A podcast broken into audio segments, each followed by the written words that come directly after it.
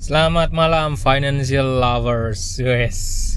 Gimana gajiannya? Udah masuk? Gimana buat teman-teman yang masih bergantung sama orang tua? Uh, uangnya udah masuk ke kantong, ke kas, saku, udah ngatur keuangan, ya. Selamat hari gajian, ya. Dan sorry gue telat banget uh, posting ini karena ibu gue kena stroke. Um, jadi uh, agak tertunda untuk podcast gua di minggu ini. Jadi mohon maaf sekali lagi dan ternyata banyak tantangannya juga ya kalau orang tua kita stroke gitu ya. Jadi nggak hanya capek fisik kita juga, ternyata juga capek kantongnya juga. nggak nggak ngaruh kalau soal apa namanya pakai asuransi atau pakai BPJS nggak terlalu ngaruh. Karena lebih banyak beli obat yang di luar dari asuransi. Ya jadi gitu. Jadi ada kita harus beli obat-obatan yang memang di luar asuransi itu tantangan tersendiri. Maka gue jadi belajar tentang apa ya menata keuangan makin makin penting banget mak gue makin sadar dan makin penting banget bahwa selagi kita masih produktif itu kita benar-benar harus memahami situasi dan kondisi ya. Uh, orang tua kita dan kita harusnya belajar dengan situasi orang tua kita. Uh, jadi dampaknya tuh kita memikirkan diri kita gue berkaca gitu dari orang tua gue dan gue berkaca kalau nanti gue di masa tua tuh bakal anak yang repot kalau gue nggak nyiapin segala sesuatunya. Nah itu berasa banget ya. Nanti nanti kita akan bahas di ritual 27 seperti biasa uh, ritual 27 uh, adalah tanggal di mana gue biasanya melakukan uh, uh, transfer uh, gaji gue ke uh, ke tempat investasi. Ya jadi biasanya gue memang melakukan sebuah ritual gitu ya. Jadi gue tarikin gaji gue terus kemudian gue masukin ke investasi gitu. Itu makanya kenapa gue kasih nama ritual 27 buat teman-teman jadi biar refresh lagi aja.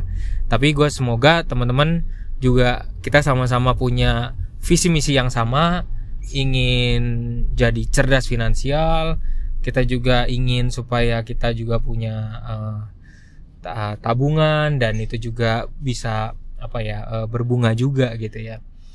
Dan sekali lagi gue tetap akan ngingetin uh, tanggal-tanggal gajian kita. Jangan lupa kalau kita gajian selalu prioritaskan untuk um, membayar kalau lu punya utang uh, bayarin dulu bayar dulu utang-utang lo lunasin dulu jangan lo jajanin.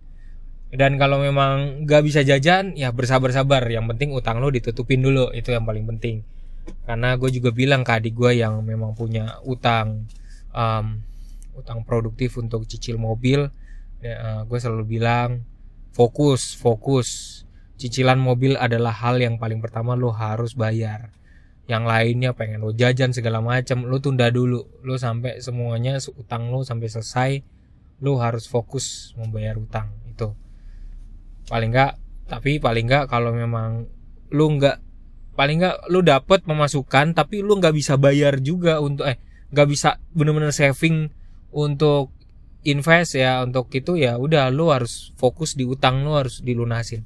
Tapi ketika duit lu lebih lu entah dapet THR segala macam lu langsung duit lebih itu lu sendiriin. Biasanya sih ya ada ada perusahaan yang bagi lu bonus uh, di bulan-bulan Februari gitu ya atau di awal-awal gitu ya. Terus kemudian uh, dikasih lu dikasih bonus.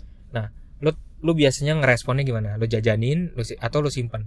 Lebih baik saran gue lo simpen lo investasikan.